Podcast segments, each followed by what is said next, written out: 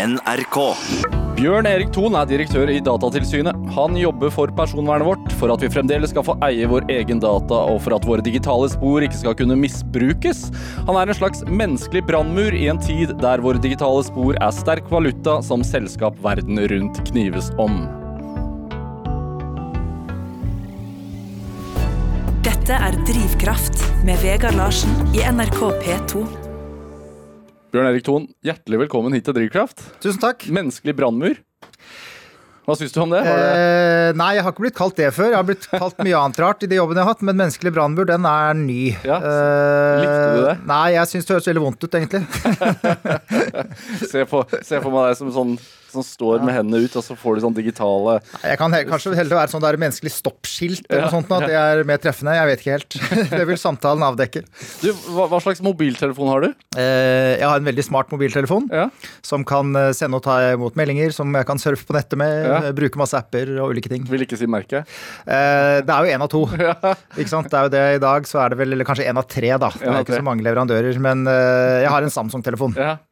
Ja, det har jeg sjøl.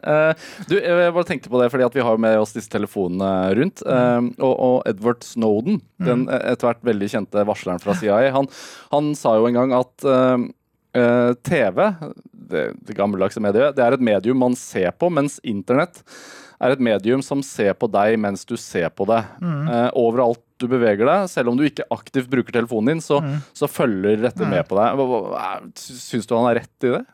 Ja, altså mobiltelefonen er med oss hele tiden. Ja. Eh, og det er derfor vi ser at veldig mange ting nå eller nå, det har jo vært en stund det da, veldig mange ting konvergerer, som vi sier, rundt telefonen. Ja. Eh, telefonen blir eh, noe som selvfølgelig mange kommersielle er interessert i. Eh, det er noe som politiet, når de overvåker oss, er interessert i fordi vi legger igjen spor. Eh, det er noe vi bruker som eh, et betalingskort. Så telefonen er jo egentlig Førerkort nå? alt. Det kan bli førerkort, eh, kanskje det etter hvert kan bli pass, hva vet jeg. Men det er veldig mange ting som samles rundt telefonen. Men så ser vi at ting samles rundt andre ting også. Eh, Vi ser jo nå at biler begynner å bli en del ting som eh, en del tjenester samles rundt. Eh, Fordi at bilen egentlig blir en stor ja, bilen blir vel egentlig en mobiltelefon på hjul kanskje etter hvert, da, ikke sant? Og da kan det komme nye måter å betale for kjøring på, da må vi ha noe greier inn i bilen vår. TV-en har jo også blitt, jeg kjøpte meg for ikke så lenge siden en smart-TV. Foreløpig så syns jeg den TV-en er ganske dum, egentlig. men det er sikkert fordi jeg ikke har orket å sette meg ned og lære meg den ordentlig. Eh, Men der også er det jo nå koblet på internett, så Snowden har ikke helt rett i det at du bare er en passiv kikker på TV-en, fordi det sier jo også noe om mine vaner, hva jeg ser på på TV-en. Så der også er det mange ting som konvergerer egentlig rundt TV-en. Har du sånn kamera på TV-en din? Eh, det er et veldig godt spørsmål. Nei, jeg har ikke kamera på TV-en min. Eh, jeg blir, ikke i tvil, men jeg har ikke det. Ja, for eh, det er en del TV-er som har kamera festet på seg. Ja. Jeg vet ikke om du har sett den TV-serien Succession som går på HBO. Veldig Nei. bra, veldig bra TV-serie. Der driver de jo et fiktivt TV-selskap som heter ATN, og der sier de jo sånn we, we hear you. Altså De har problemer med sloganet til det, til det TV-selskapet, fordi de lytter faktisk på brukerne sine. Og ah, ja. ser brukerne sine Ja, i forhold til akkurat. hvordan de reagerer når de ser TV. Ja, og så er det jo TV-er hvor, du, eh, hvor du da eh, øker eller senker volum ved å ta armen opp og ned. Ja. Eh, Så da også må det jo være en form for Og den ser det. kikking. Ja. Uten at jeg kjenner den teknologien. Jeg er ikke noe sånn veldig TV-titter, egentlig. Så eh, det er derfor jeg fortsatt ser på smart-TV-en min som en dum TV. Du, eh, jeg begynte med å prate om mobiltelefoner her, fordi eh, jeg har jo div-apper på min, og, jeg har opplevd flere ganger at på min bildedelingstjeneste Instagram, så Mm. kan jeg få opp annonser for ting som jeg i hvert fall tror jeg ikke har googlet eller liksom søkt etter, men bare prata om. Mm. Ja. Eh, Veit du om, om dette funker? Om, om Instagram f.eks. fanger opp ord og gir deg annonser basert på dette? Nei, det, det har vært snakket om det. Ja. At også andre tjenester eh, fanger opp lyd uten at du er klar over det sjøl. Men det er vel aldri vært dokumentert, så vidt jeg vet, at det blir gjort. Eh, Men så er det klart, nå kommer disse tem- stemmestyringstjenestene. eh, Siri og hva de heter alle sammen. Eh, Og der kan det jo være noen koblinger, uten at vi vet og Jeg vet i hvert fall ikke det. Eh, Men vi, vi gjorde jo et forsøk eh, når vi hadde en researchsamtale til dette programmet her, eh, hvor Linn, som jeg snakket med i godt over en time, fant ut at vi skulle si båt, båt, båt, båt, båt, båt, Ja. båt, båt. Eh, For verken hun eller jeg er interessert i båter. Nei. Eh, Og så skulle vi se om vi fikk opp båtannonser på eh, Facebook eller på Instagram. Men det funka ikke. Det funka ikke. Så det funka ikke. Så jeg hadde egentlig ønsket jeg kunne komme hit med en stor nyhet i dag. Ja. at jeg begynte på båtannonser, Men dessverre, det, det Men kanskje nå, etter at jeg har vært her, at eh, jeg får gå og sjekke etterpå om det er noen båtannonser her da. Kan jo hende at det var for eh, generelt. Jeg vet ikke. Jeg, jeg, jeg har i hvert fall testet dette en gang på en togtur til Göteborg Mm. sammen med en gruppe venner, riktignok for noen år siden. eh, og det kan hende at de, har, at de har skrudd seg til siden den gang, men da pratet vi om dronekameraer i noen timer. Og det kom faktisk opp Mm. Ja. som en annonse etter hvert. Men så er det også ofte sånn at hvis du først er bevisst på en ting du snakker om, så kan det hende at du har søkt litt på det uten at du husker det også. Ja. Eh, Det er vel ikke alle folk eh, som er så bevisst på at de bare snakker om én ting, og så søker de ikke på andre ting. For hvis du har vært inn og sett på en side på droner, Ja. eller at du har søkt på droner, da får du droneannonser. Det er jo en sånn nærmest én-til-én-greie nå, for du blir jo ja, Vi snakker jo ofte om at det er en overvåkningsøkonomi. Nå er det ikke alle som er like glad i det ordet der, da, men at uh, veldig veldig mange av de tingene som vi gjør, ja, søk, uh, hjemmesider vi besøker, interessene våre, de blir jo kartlagt. Og profilene våre, uten at nødvendigvis står Bjørn Erik Thon øverst på den hvis det er meg, da. Uh, men profilene våre blir jo solgt på auksjoner, også for de som har lyst til å kjøpe, unnskyld, selge noe til en med min profil. Får da vise den annonsen. Tilgang på Ja, din og data. så kjøpe litt, betaler noen øre for det, da.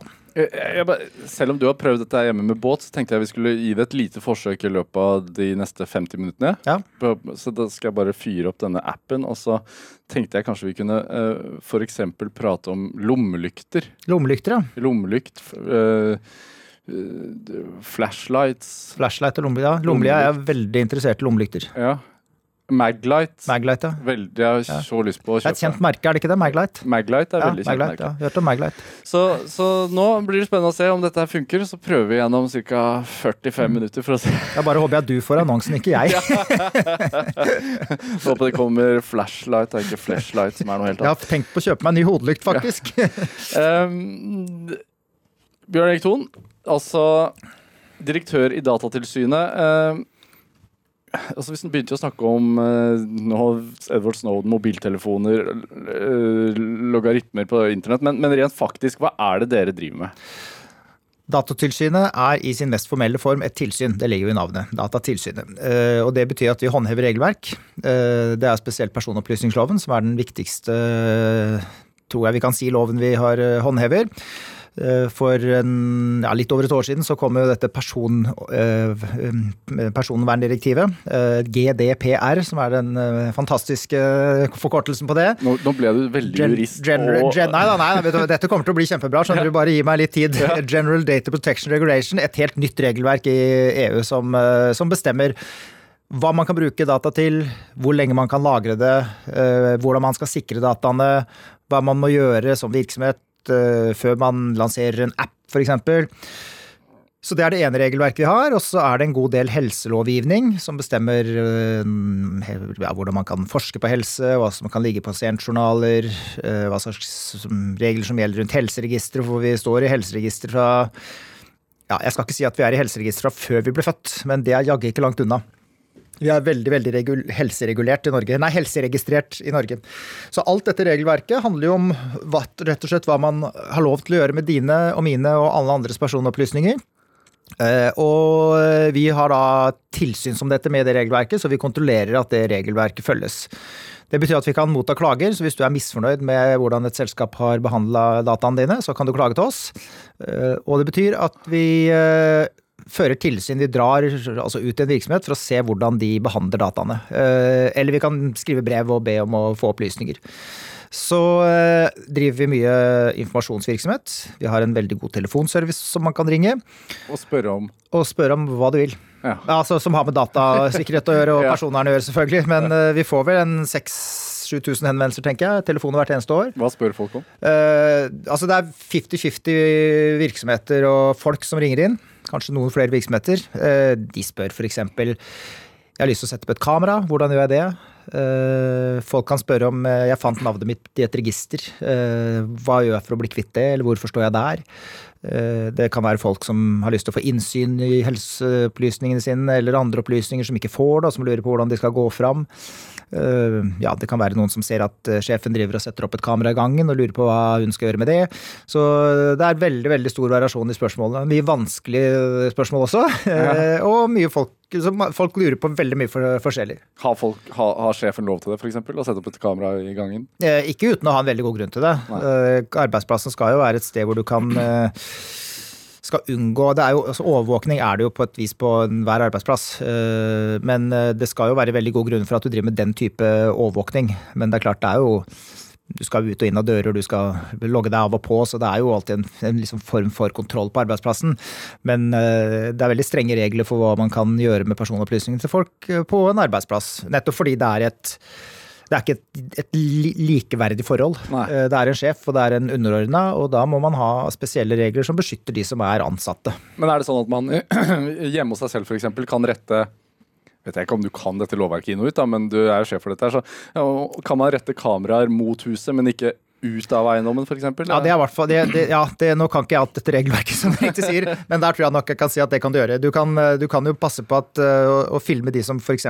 kommer inn døra di, men eh, de som går forbi huset ditt, der skal du være litt mer forsiktig. Ja. Men veldig mange ting, spesielt når det gjelder kamera, så er det jo jeg skal ikke si at man kommer et, jo, jeg skal si at man kommer et stykke på vei med å bruke huet godt. Lese veilederne som ligger på hjemmesiden til Datatilsynet, og bruke huet godt. Uh, ikke fange opp mer enn det som er absolutt nødvendig. Uh, skal man sette opp et uh, ja, kamera for å forhindre hærverk, så setter man opp akkurat der hvor hærverket begås, og ikke i områdene rundt, f.eks.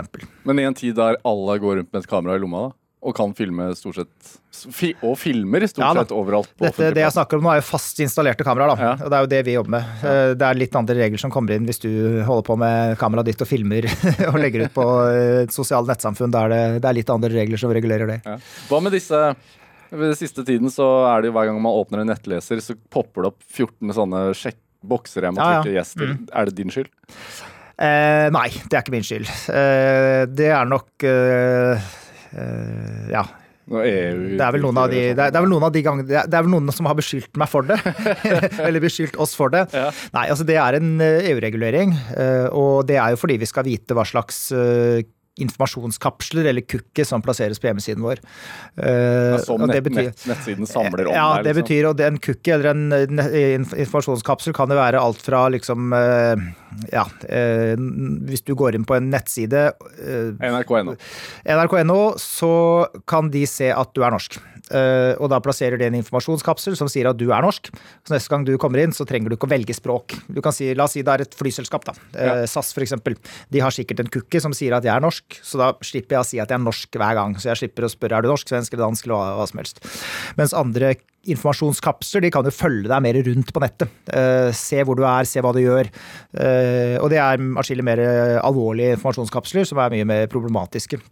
Eh, Men dette regelverket rundt informasjonskapsler er jo lagd fordi at vi skal vite hva slags informasjonskapsler rett og slett som eh, er på nettleseren vår.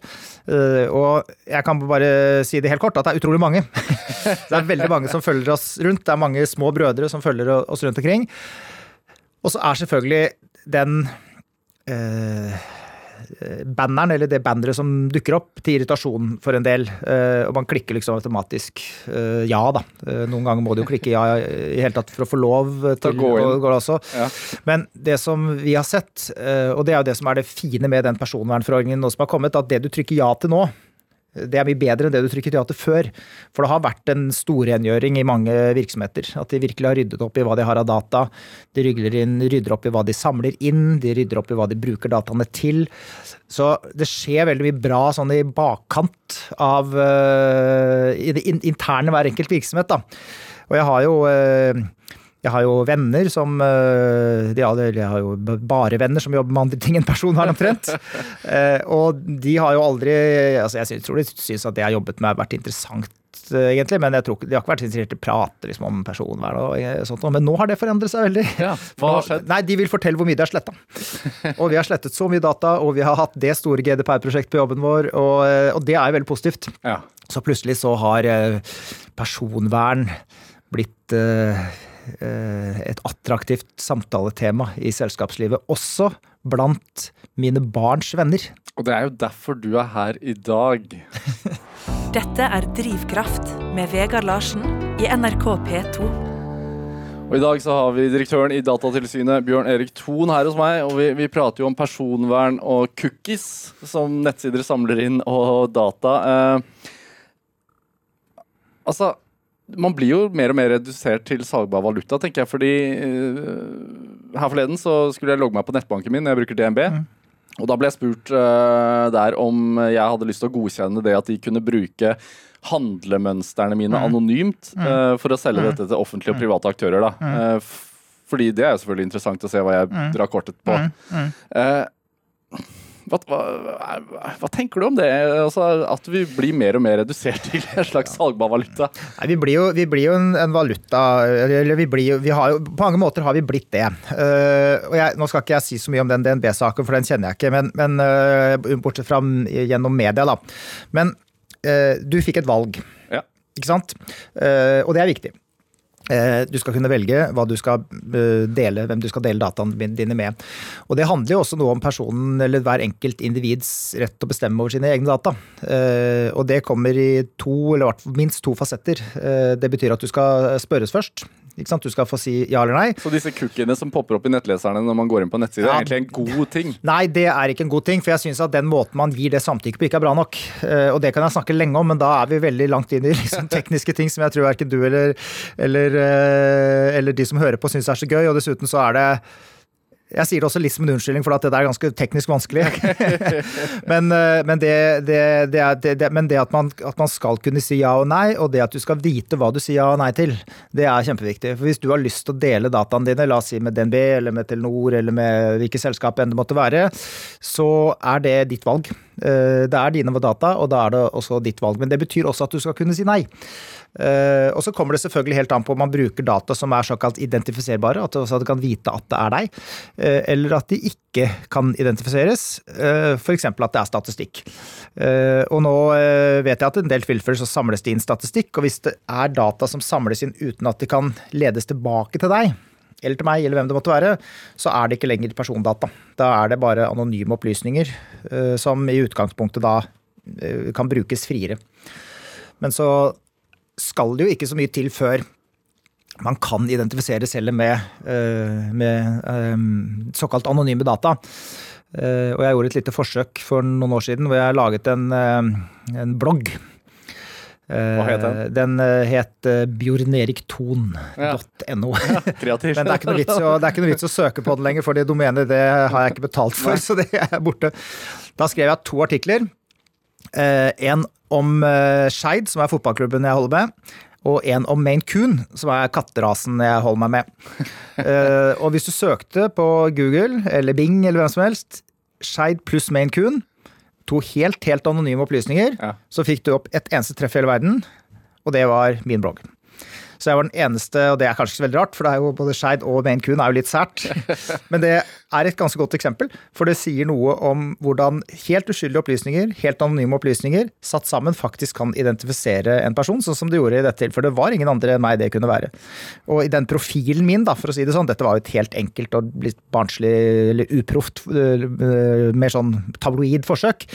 Men for det var en test. Det var en test. Ja. Uh, uh, og fordi jeg syntes det var morsomt å skrive både om fotball og katt, da. Så det har jo et alvor i det også. Uh, men det kan jo være at i en profil som er bygd på meg, at det fins mye mer alvorlige data enn bare Skeid pluss Maine Coon. Der kan det kanskje ligge helseopplysninger, det kan ligge surfehistorikk på steder som jeg ikke har lyst til at noen skal vite hvor jeg har vært, osv., osv.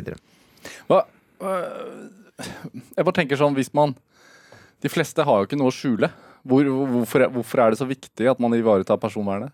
Altså du, eh, Du begynte jo å sitere Edward Snowden, Ja. eh, og han har sagt mye klokt. Eh, Han sa at det å si at du ikke har noe å skjule og ingenting å frykte, det er akkurat som å si at jeg trenger ikke ytringsfrihet, fordi jeg har egentlig ingenting å si. Nei.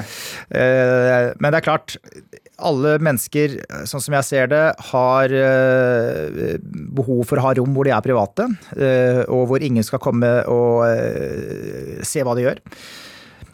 Og så er det noen dimensjoner utover det også, og jeg syns det kom veldig synlig til uttrykk i det som vi kaller for Cambridge Analytica-skandalen, hvor persondata eh, ble misbrukt i eh, valgkampen til Donald Trump og til eh, brexit-kampanjen i USA. Det er jo sånne selskaper som liksom har fått Donald Trump til å vinne og brexit til å vinne. Det er jo hva er det vi kaller det, drittselskaper eller noe sånt noe. Eller Tabloide uttrykk på det. Ja, hvor de manu altså, man ble manipulert, rett Man og slett. ja, altså De hentet ut masse data, og de bygde profiler. altså De, kjøpte, de laget profiler ut fra hvordan mennesketyper vi er, og så dyttet de reklame på oss som Spesialrettet funket. reklame. Ja, spesialrettet mot de forskjellige reklame. mennesketypene. Nei.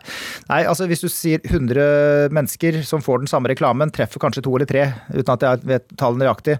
Men hvis den er spesialdesignet mot akkurat deg og mot meg, så vi er to mennesker med helt forskjellige interesser, eh, og det treffer oss ulikt. Eh, Og det kan også treffe oss så ulikt at hvis vi er f.eks. ble det brukt som et eksempel, man er tilhenger av liberale våpenlover, men hvorfor er man det?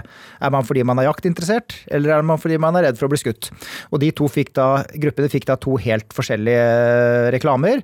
Eh, Kanskje den som, de som er veldig våpenglade våpenglad fordi de er redde for kriminalitet og sånn, er nok republikanere. De andre er kanskje litt mer sånn leaning democrats, som har ekstra viktige å nå. Og det ble br- br- br- brukt negative kampanjer mot f.eks. svarte velgere, ja. som for å få de til ikke å stemme, for de vil eh, sannsynligvis eh, stemme demokratisk. Så sånn ble disse dataene brukt. Og når man begynner å se at data blir misbrukt på den måten, da faller jo det argumentet at jeg har ikke noe å skjule, for jeg har ikke noe å frykte helt sammen. For det viser jo at data som blir manipulert og misbrukt, det kan jo endre eh, utfallet av valg. eh, og få sånne følger som vi har sett nå. At Donald Trump er president i USA, f.eks. Uh, nå er nok ikke det er ikke bare det som var grunnen til det. Det er mange mange forklaringer. Men det er jo mange som peker på at dette var en av forklaringene. Eh, Og hvis vi ser på arbeidslivet f.eks., jeg tror de aller fleste er opptatt av at man skal kunne ha et, et godt, en god beskyttelse av privatlivet sitt i et arbeidsforhold.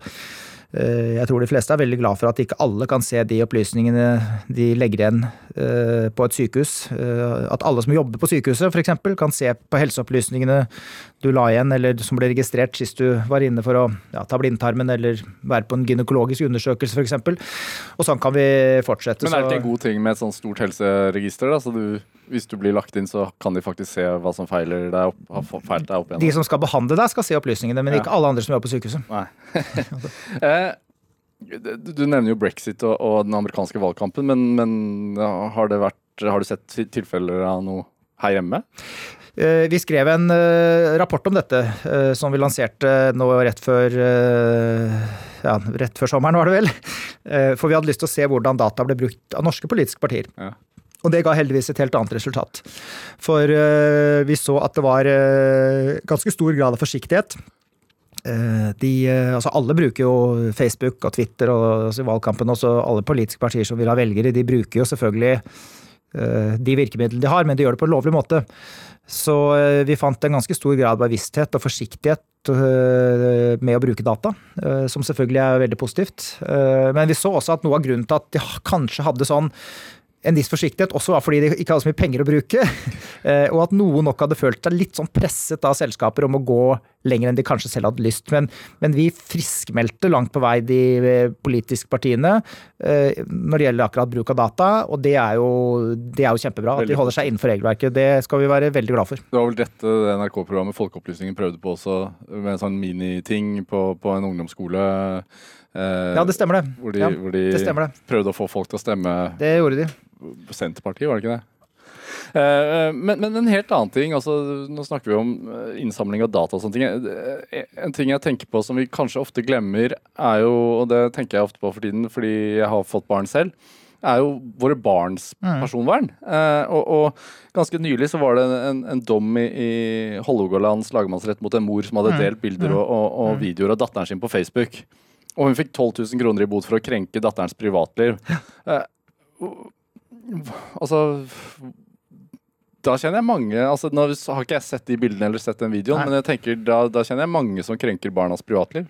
Ja, det var nok helt spesielle forhold i akkurat den saken. Eh, Men det er et interessant tema du tar opp, og det er et tema som har ganske stor oppmerksomhet eh, i mange land. Eh, Jeg kom fra Island på lørdag. Der var jeg med på en eh, ganske stor konferanse på fredag, snakket om nettopp dette. Eh, Og da var det også en som pratet akkurat om disse dommene og, eh, og det du snakker om. Og da. Men det som var spesielt i denne saken, det var jo at det nok ble lagt ut en god del informasjon eh, som definitivt ikke skulle på nettet. Dette var jo en, eh, en mor som, så vidt jeg husker, nå skal jeg være litt forsiktig, for jeg har ikke lest meg opp eh, på den saken til dette programmet, eh, men det var vel snakk om omlysninger bl.a. fra barnevernssaker og, og den type ting. Eh, Og da fratar man jo barnet retten til å eie sin egen historie. Eh, Og vi ser fra tid til annen, eh, vi ser faktisk litt for mange saker hvor barna blir brukt i en offentlig kampanje mot eh, sykehus, mot barnevern. eh, Og eh, spesielt da de som har opplevd det de, opplevd det de opplever som en krenkelse da, fra myndighetene sin side. Og så valgte retten i dette tilfellet å sette en grense for hva man kunne dele. Eh, Men denne dommen den gjelder jo ikke det å legge ut et bilde fra eh, en søndagstur på Hovedøya Ja, er eller andre typer ting. Eh, Så man skal fortsatt kunne få dele bilder av barna sine hvis man ønsker det. Men så skal man alltid liksom ha et visst obs på hva man deler av bilder av andre barn. eh, Av eh, For det er ikke sikkert at de foreldrene ser på det på samme måten.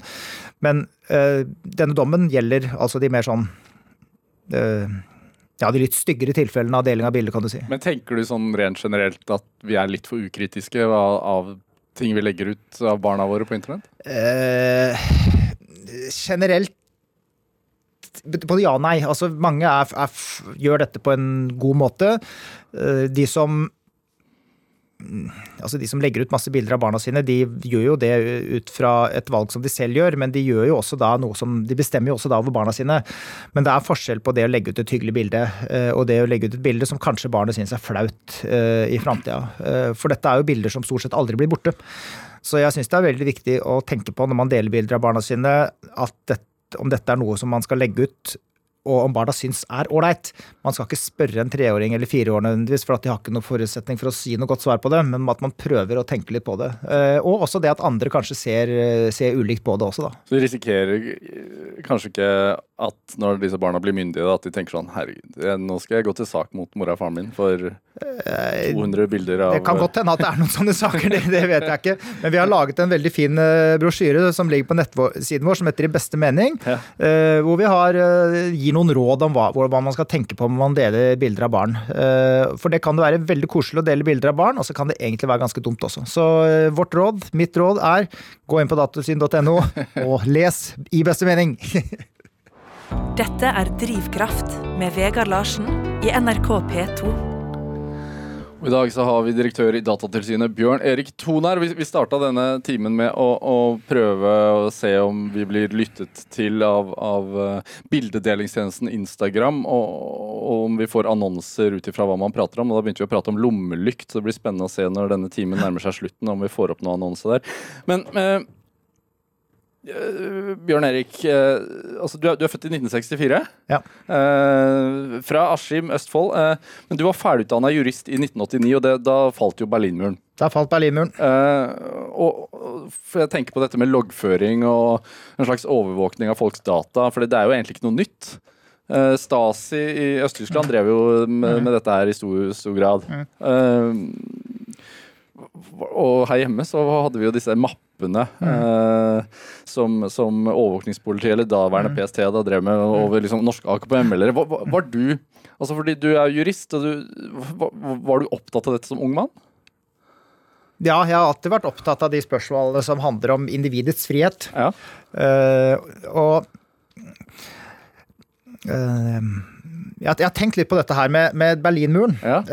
For det, det, det var jo et veldig sterkt symbol. Eh, og jeg husker jeg satt eh, høsten eh, 89, da eh, det ene diktaturet etter det andre falt.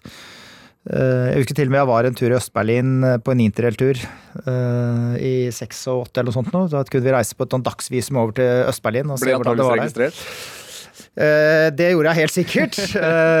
Jeg reiste også i, gjennom tog gjennom Sovjetunionen i 1987 jeg, med Transsibirsk jernbane, så jeg har jo sett en del av disse Altså sett bitte lite, lite grann av det, da.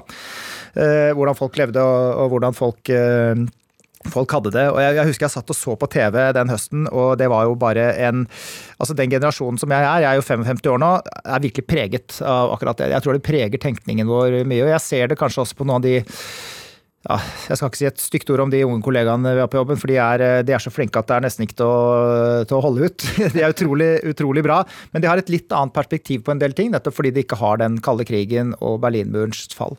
Jeg husker også jeg satt og tenkte på fy søren, altså, nå skal jeg nå dra Jeg hadde så lyst til å dra til Berlin når muren falt, men jeg skulle ha eksamen. Så jeg valgte eksamen noen uker etterpå. Jeg har angret noe på det noen ganger, faktisk. Men det er klart, akkurat det med overvåkning det, Vi visste at det fantes, men omfanget av det, f.eks. i Stasi, og, og overvåkning i Øst-Tyskland, den vi jo, visste vi jo ikke før, før etterpå. Og så skal vi jo være litt forsiktige med å liksom sette likhetstegn mellom den overvåkningen som fant sted der, og den overvåkningen vi ser i Norge, selv om det fins jo absolutt overvåkning fra PST, fra E-tjenesten, fra politiet i Norge også. Og noen av de, den overvåkningen vi har i Norge mener vi går for langt. Og noen av de forslagene som vi selv legger på bordet nå, bl.a. et forslag om digitalt grenseforsvar, mener vi at uh, burde få en ny start. Fordi det som ligger på bordet nå rett og slett ikke er, er, er trygt og sikkert nok og ivaretar ikke menneskerettighetene. Så, uh, så, det er ikke helt riktig å sette likhetstegn mellom de. Men så har vi jo fått noen andre dimensjoner som vi snakket om på starten her også så vidt. Vi har fått den overvåkningsøkonomien. ikke sant? Vi har fått en aktør. store aktører som overvåker, ja. og som bruker det kommersielt. og så har vi et sted midt imellom her hele offentlig sektor, som vi ikke overvåker, men som registrerer veldig mye data eh, om hva vi gjør. og Da snakker vi om skattemyndigheter, utlendingsmyndigheter, eh, Nav. Eh, ja, vi kan fortsette. Man kan bli paranoid av mindre, holdt jeg på å si. Men, men, men tenker du også, når du sier at Berlinmurens fall i 89 og sånn har vært veldig viktig for din generasjon, tenker du at vi og, og altså at vi egentlig er den siste generasjonen som bryr oss om dette. her. Altså jeg tenker Hvis man vokser opp i dag, så, så vokser man jo ut Eller vokser man opp kanskje uten øh, faktisk øh, cash i, i, mm. lommeboka. Man vokser opp uten Eller med, med mobiltelefon, Nei. som egentlig er internett. Altså, mm. man har et helt annet forhold til det i dag antageligvis enn det vi har hatt i vår oppvekst. da. Man har et annet forhold til det i dag, det er ikke noe tvil om. Men, men vi tar jo innpå, vi også. da. Vi bruker jo mye av det samme. Og, og, men, men, det er klart, man tenker nok litt annerledes om personvern, de som er unge i dag, enn de som er si, sånn som er en middelaldrende mann i dag. Og det er en sånn evig hva skal vi si for noe, det, det, krever evig skjerping på jobben, det. Eh, å forsøke å holde sånn noenlunde tritt med hva som skjer teknologisk. Eh, bruke mye av disse sosiale nettjenestene altså for å se, for å lære seg hvordan det er å leve i denne verden. Men jeg ser jo det bl.a. på den generasjonen som vokser opp nå. Eh, jeg har jo to gutter. Joakim på 28 og Ola på 19. Så det er ni år mellom de to barna. Med samme mor. Eh, og eh, de også ser nok litt ulikt på, på, dette, fordi det skjedde noe akkurat i det skiftet der sånn. Ja. Eh, så når man vokser opp nå, og det er sikkert enda mer på de barna som er, som er mindre og som skal vokse opp, at digitale løsninger, måten man tilnærmer seg f.eks. media på, hvordan man lærer seg ting, er helt annerledes. Og jeg vil aldri noen gang si at den måten jeg gjør det på, er bedre enn den måten de gjør det på. Men det er helt annerledes. Hvordan de tenker personvern er nok også annerledes. Hvordan de velger, og nå snakker jeg ikke om mine barn, nå snakker jeg generelt om unge, hvordan de velger å dele bilder, hvem de velger å dele bilder med. Eh, veldig mange som er veldig mye på sosiale nettsamfunn som bruker Google, nei, som bruker Snapchat og, og Facebook. Facebook er det ingen av de unge som bruker lenger. Det er derfor de nå plutselig har lyst til å være venner med oss på Facebook, fordi, det, fordi de har slutta å bruke det. Så, men de, de, ser annerledes på personvern, men mange av de har et, eh, et veldig bevisst forhold til det, selv om de er storkonsumenter uh, av, av, disse tjenestene. Alt dette altså Vi snakket jo om Øst- Øst-Berlin og Stasi og sånne ting. Hvor viktig, eh, eller hvor, hvor, stor innflytelse hadde liksom 11. september og den der Patriots Act og sånn å si for folks personvern over hele kloden, tenker du? Eh, Veldig mye, veldig stor betydning. Ja.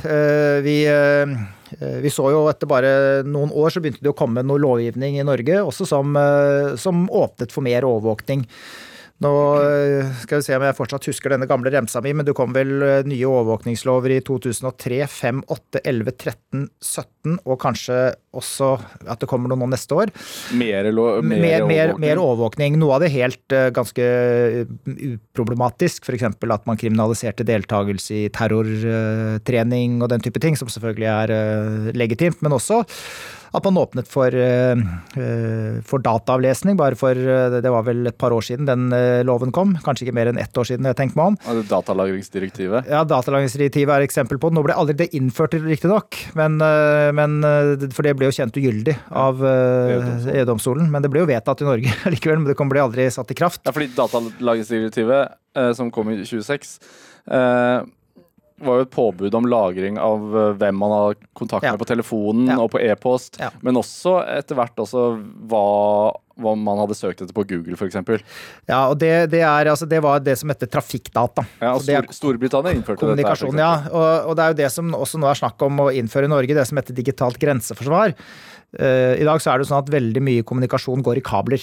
Eh, og digitalt grenseforsvar er at man en, setter en boks, sånn nesten billedlig fortalt, på kablene, og lytter på hva som går gjennom den kabelen. Og der går nesten alt vi holder på med. Eh, Men det må gå over grensen, da. ja, men det, og det er nettopp det, for det skal være grensekryssende trafikk. Ja. Men hvis jeg hadde gått ut og tatt telefonen min og ringt til deg, eller sendt en tekstmelding til deg, da hadde vi sittet sju meter fra hverandre, Ja. så hadde den gått via utlandet med 75-80% sikkerhet. Og dette nye lovforslaget ville da gitt Det ville fanget opp det. Ja. Ja, Uh, Og det er du imot? Det er vi uh, Vi er, vi, vi er mot det forslaget, ja. Øh, vi ser at E-tjenesten, som da skulle kunnet brukt dette, kanskje trenger noen nye virkemidler. For øh, vi lever øh, tross alt i en digital verden, og det at de også har mulighet for å drive en form for patruljering på nettet, det har vi forståelse for. Men da må vi ha mye mer forutsigbarhet for hva dette forslaget egentlig innebærer, hvem som rammes av det. Er det sånn at du som journalist ville hatt et spesielt vern eller ikke? Advokater? Eh, ja, og, så, og sånn kunne vi fortsatt. Det er veldig mye som er galt med det forslaget, som må endres før det overhodet kan nærme seg å være akseptabelt. Ja. Jeg har eh, Bjørn Erik Thon her, som er direktør i Datatilsynet, og hører på Drivkraft på NRK P2. Eh, jeg tenker jo at du tenker at de trenger nye virkemidler fordi at man lever i en digital verden, men det er, er det ikke litt sånn at så, så, lenge, så lenge de som bestemmer på toppen er snille og gode, så er det ikke noe problem. Eh, problemet eh, kan vel først skje hvis, hvis det, det kommer noen som vil misbruke denne dataen. Altså jeg tenker jo sånn som for eksempel I Hongkong for tiden så, så har jo folk demonstrert noe fryktelig. Ja. Eh, fordi at uh, de ønsker at uh, Hongkong fremdeles skal være en mye mer selvstyrt region da, enn Kina for øvrig. Og, og der bruker jo demonstrantene sånne laservåpen eller sånne laserpenner og ansiktsmasker og sånn av sånn ansiktsgjenkjennelsesteknologi. Ja. Som jeg også skjønner er liksom på full fart inn i Australia. Uh, I Storbritannia brukes det i stor grad. Og jeg, jeg, når jeg ser, har sett disse demonstrasjonene av folk i Hongkong som kjemper med lasere, og så tenker jeg at det er en fremtidsfilm. Jeg tenker det er liksom Ja 1984, og Det er jo et regime der som er litt annerledes enn det vi har i Norge, da. Absolutt. Heldigvis.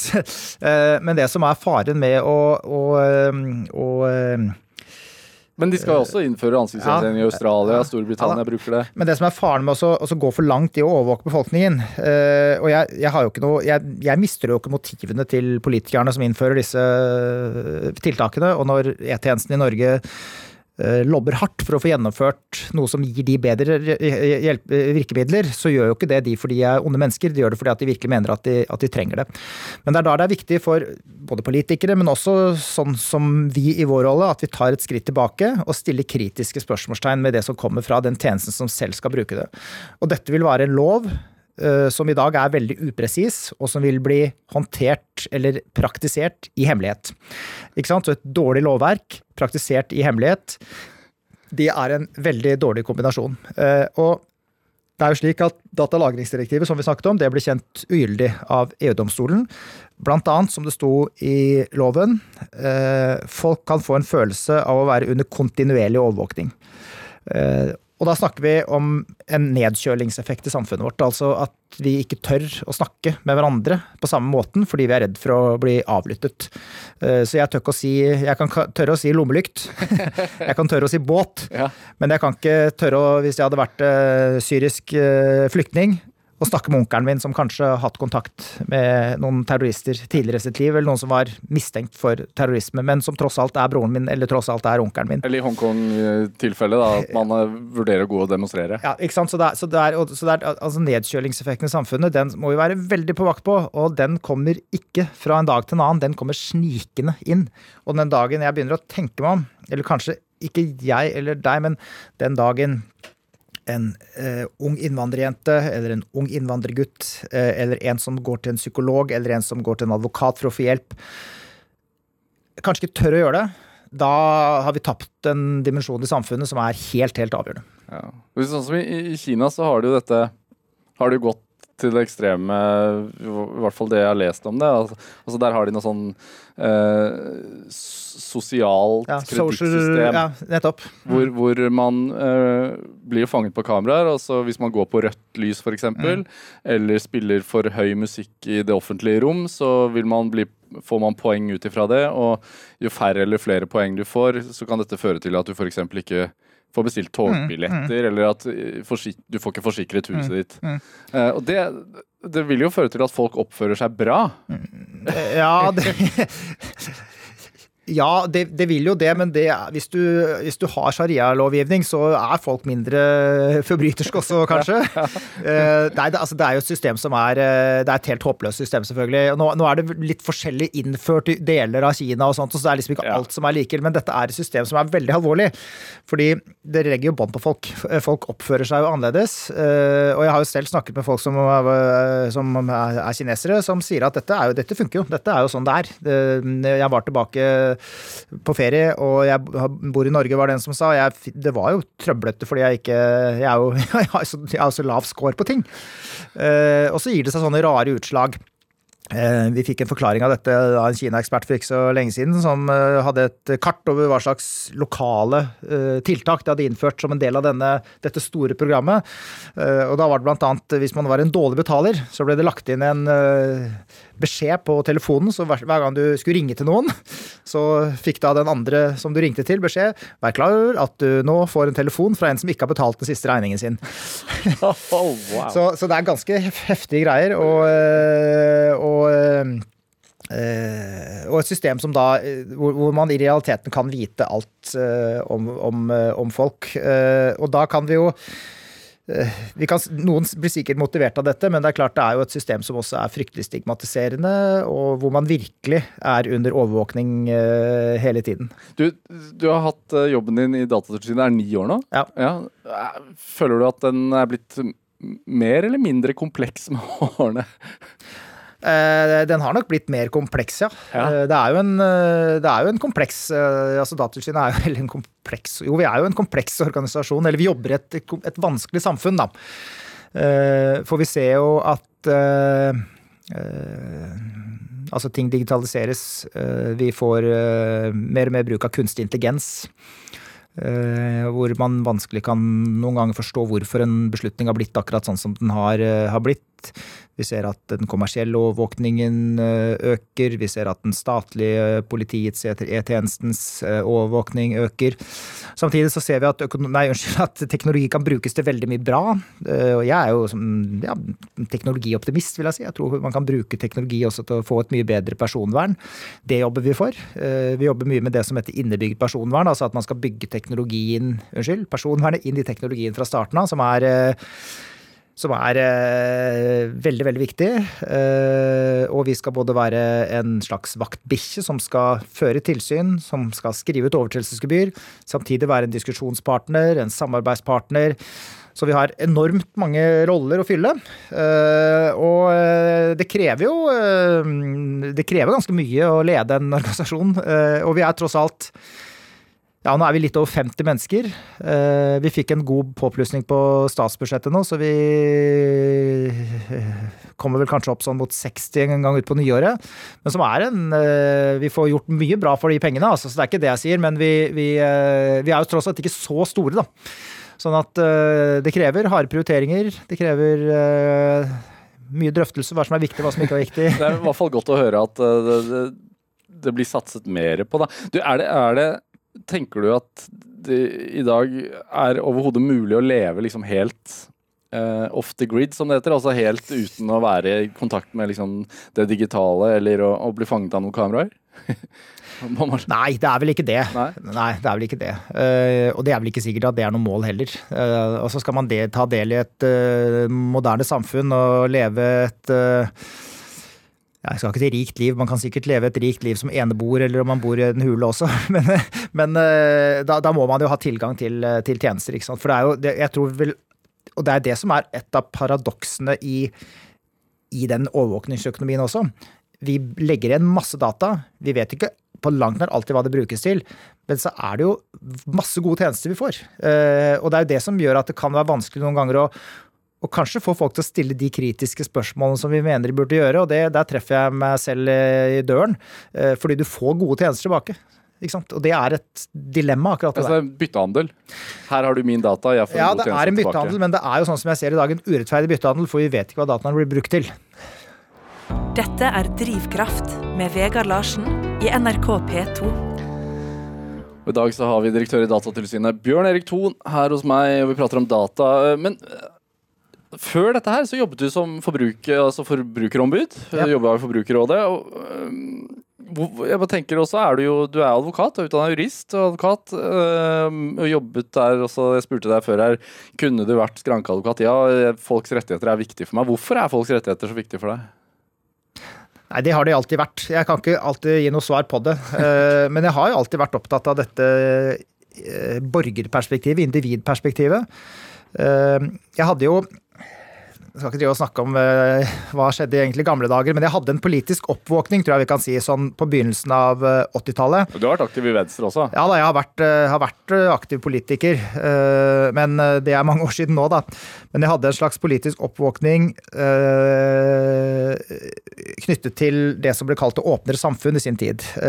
for når jeg vokste opp, så stengte butikkene halv fem på hverdagene. Det var vel langdag til sju, tror jeg, på torsdag. Eh, det var én TV-kanal, eh, det var én radiokanal. Eh, det var et samfunn som hadde veldig lite mangfold. Og så ble jeg vel omtrent sånn jeg begynte å studere, litt før det, så kom nærradioene, det ble flere TV-kanaler, butikkene var mer åpne. Altså samfunnet åpnet seg opp. Og jeg følte at det var bra for veldig mange mennesker.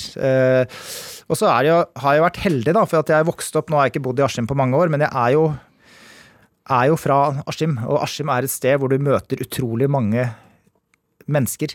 Du vokser da ikke opp et sted hvor eh, alle er eh, mer eller mindre lik deg selv, sånn som kanskje det er litt mer der jeg bor nå. Men uh, i min klasse så var det folk som hadde masse penger. Det var folk som ikke hadde fullt så mange penger. Det var folk med, foreldre med utdannelse, folk uten utdannelse. Eh, vi hadde en ganske stor innvandringsbefolkning i Askim, fordi de kom og eh, blant annet mange fra det, fra det gamle Jugoslavia. Eh, som kom for å jobbe på Gummin, Viking, eller Askim gummivarefabrikk, hvor også flere i min familie har jobbet. Og da får du liksom inn dette mangfoldige samfunnet på en helt annen måte enn man vokser opp i en litt sånn snever enklave hvor folk er veldig, veldig like. Eh, og dette var også en tid hvor eh, du så at eh, homofile gikk ut i gatene, hvor de hevde sine rettigheter. Jeg syns det var helt fantastisk å se. De fikk, viste stolthet over hvem de var. Så det var veldig mange sånne elementer som det, som gjorde at liksom det der med altså, at folk skal få lov til å leve livet sitt sånn som de vil, så lenge det ikke gå utover andre, det har egentlig sittet ganske dypt i meg bestandig, uten at jeg eh, vi hadde en liten sånn research-samtale på forhånd, eh, som du vet, og jeg fikk det samme spørsmålet. Jeg liksom prøvde å tenke hvorfor, hvorfor er det sånn? Eh, og jeg kan ikke gi noe godt, god forklaring på det, men jeg ser at det er en del sånne elementer både i oppveksten min, venner jeg har hatt, som har behov, hatt virkelig behov for å bli sett, for å bli akseptert som den de er, som nok har gjort at, at jeg ser på liksom borger- og individperspektiv som veldig viktig. da. Det er jo Du sier jo, nevner jo Askim. Askim er jo en, en by i Østfold. Og jeg, jeg har jo snoka på Instagram-profilen din. Du har jo åpen Instagram-profil, selv om du ja. er, er Det er ikke så mye som ligger på Instagram-profilen min, da. Det er, det er Bare masse reklame for lommelykt. ja, kanskje det er det nå. Men eh, du er ikke så veldig aktiv der, men, men det Nei. du legger ut bilder av, det er sånn klassisk sånn bydyrking. Og, eh, og, da tenker jeg liksom ah, han, han, liker å få jord under neglene. Ja, ja, ja, ja da. Jeg, har, eh, jeg syns det er gøy, det der. Ja. Eh, jeg har jeg har, det er ikke noe sånn at det er, det er noe hobby som fyller timer av dagen. Men jeg har noen veldig morsomme prosjekter. akkurat nå driver jeg f.eks. og dyrker sopp i kaffegrut. Sopp i kaffegrut? Ja, det er veldig morsomt. Uh, så jeg har kjøpt et, et, uh, et, dyrkesett på en festival, sånn en miljøfestival som jeg var innom her for, ikke så, for noen måneder siden. Med soppsporer som du da dyrker i kaffegrut, så du legger da som en slags lasagne. Hva, opp. Det blir østersopp. Ja. Som er visstnok helt fantastisk. Så i løpet av et par måneder så har jeg fersk sopp hjemme. Håper jeg. Uh, og, uh, det er bevist det at å holde på i, i grønnsakshagen f.eks., eller å luke og sånne mm. ting, det re reduserer stress. Mm. Er det et element av det der inne også? Ja, det kan nok være det. Og jeg, jeg liker egentlig Nå er ikke jeg noen sånn eh, noen, Skal ikke drive og påberope meg sånn veldig grønne fingre, selv om jeg har en ganske stor hage og holder på litt der og sånn. Men jeg bruker aldri hansker, f.eks., når jeg er i i hagen. Jorda, uh, jeg blir, vil, vil, bli møkte på henda. Uh, og så dyrker jeg ja, litt andre ting. Jeg har, driver stadig og prøver å dyrke avokadoplanter av avokadosteiner. Pasjonsfruktplanter av pasjonsfruktsteiner. jeg pleier å ofte være i Hellas om sommeren. Da tar jeg alt med meg noen frø hjem. Mulig at det ikke er lov når jeg tenker meg om. Så jeg, så jeg, men i hvert fall så planter jeg de, og så kommer det opp uh, fikenplante har jeg hjemme nå. Et uh, granatepletre. Ja, jeg syns dette er ganske imponerende. Ja, det er ganske morsomt også. Ja. Eh, man blir litt ekstra stolt da, når man har fått opp fra eget, eget frø. Ja, vi gjør det. Men disse her litt eksotiske plantene de dør etter en stund. Altså, er, de har liksom en levetid på et halvt år, et år kanskje. og så... Uh, og den pensjonsfrøen Jeg har et tips. Du, ja. må, du, må, ikke sette ut om vinteren. Vet du. Nei, det. jeg gjør ikke det. Ikke det. men du, eh, i tillegg til dette her, fordi, og, og, det er det kanskje ikke alle som veit, men, men, du har jo skrevet en rekke krimbøker.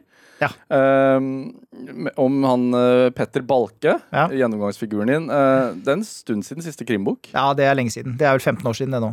Hvorfor ble han, ble han tatt livet av? Nei. Nei da, nei, han lever, han. han, lever, han. Ja, det gjør det. Gjør det. Jeg vet ikke helt hva han driver med nå, men han lurer driver med fisker eller noe sånt. Ja, okay. men du har skrevet en bok fra Askim også. Ja. 2014. Eh, 'Den amerikanske presidentens datter'. Ja. Som var, var det naboen, eller hva var det? Nei, altså det var jo, det var jo sånn at uh, dette, Det er Hærland dette utspiller seg, som er i Eidsberg kommune, som vel snart blir Indre Østfold kommune, vel så bodde det en veldig original mor og en like original datter som het Anna og Olga Wilson. Uh, og når denne datteren døde, så ble det jo funnet en del dokumenter, og mye tydet på at hun var da datter til William Taft, som var president i USA fra 1909 til 1913. og Det sto en artikkel om dette i avisen for mange år siden nede i Østfold. så jeg har jo egentlig gått og venta på at noen skal skrive bok om dette. Eh, men den boken kom ikke, så da fikk jeg plutselig lyst til å prøve å skrive den selv. Og da eh, ja, fikk jeg et godt stipend, blant annet, fra forlaget Gyldendal som ga den ut, så jeg fikk reist til USA, drevet en del research. Dro rundt og snakket med masse folk i Hærland som kjente disse to damene. Eh, og dette ble det da en bok ut av, Den amerikanske presidentens norske datter, som handler om livet til Anna og Olga Wilson, mor og datter, og litt om denne, og en del om presidenten også, da. Var det noen familie som godkjente dette? De hadde ikke livsarvinger. Nei. Hvis ikke så hadde selvfølgelig det vært en side av det, men jeg, jeg tenker, synes det er litt gøy da, at en mann som er, folk, som er så mm. opptatt av folks personvern, har skrevet om uh, skrevet en bok om, en, om, noen damers mulige dobbeltliv. Ja, nå, nå, nå, var jo dette en kjent historie fra før, men, men jeg ser det perspektivet. Men, men, som sagt, nå er det nå husker jeg ikke akkurat i farten, det begynner å bli noen år siden dette her også. Men, men det er jo mange år siden datteren, altså Olga, døde. Men fant du ut av det? Var, var hun Det, det, det, det, det kan ikke avsløre slutten på boka. det er det dummeste man gjør, det. Men dette var på slutten av 1800-tallet, sånn 1895 eller noe sånt? Eh, ja, dette, denne, denne unnfangelsen må jo ha skjedd på den tiden der, ja. Ja. Tenker du, eh, når du vet alt dette du vet om, om datalagring og overvåking, og så tenker du at det kanskje var et litt sånn enklere, mer behagelig liv den gang, da, da de faktisk måtte korrespondere på brev, og man faktisk kunne ha et hemmelig liv og være en amerikansk presidents mulige datter? Ja, de kunne jo ha et hemmelig liv helt til uh, han fyren som var leder i Datatilsynet fant at han skulle skrive bok om det, da. Det har ikke, har ikke lenger. Jo, det, man kunne selvfølgelig ha det, men samtidig så var det noen veldig utfordringer med det. For de to damene de bodde i hvert sitt uh, land, altså én i USA og én i Norge i perioder. Så begynte vi å diskutere skal vi treffes. Ja, vi skal treffes. Skal vi treffes i USA, eller skal vi treffes i Norge? For de drev og pendlet att og fram hele tiden. Og så skrev en av de men hva, vi må, vi, Og de måtte time dette, ikke sant? det tok flere uker før et brev kom fram. Ja. Og så skrev om det var mor til datter eller datter mor, men det husker jeg ikke, men hva om vi treffes midt på havet? Ikke sant? For de lengtet så etter hverandre. Hva om vi treffes midt på havet? At båtene våre krysses? Ja, det er vakkert. Og det er jo det, er en, det ville vært en dyp tragedie for dem. Sånne ting uh, unngår vi i dag. Det er tross alt lettere. Uh, Bjørn Erik Thon, vi, vi, vi nærmer oss denne timens slutt, egentlig. Uh, jeg må stille spørsmål, for det stiller vi alltid. Dette programmet heter jo Drivkraft. Hva er din drivkraft? Eh, jeg tror jo på at eh, Jeg tror at vi ved å jobbe riktig, og jeg syns jo Datatilsynet Jeg syns vi har fått en, en del riktige ting. Eh, Vi er et eh, relevant eh, tilsyn. Folk vil snakke med oss. Folk vil diskutere løsninger. Folk vil ha oss med på lag. Folk vil få til å komme og, og, og, og snakke om personvern.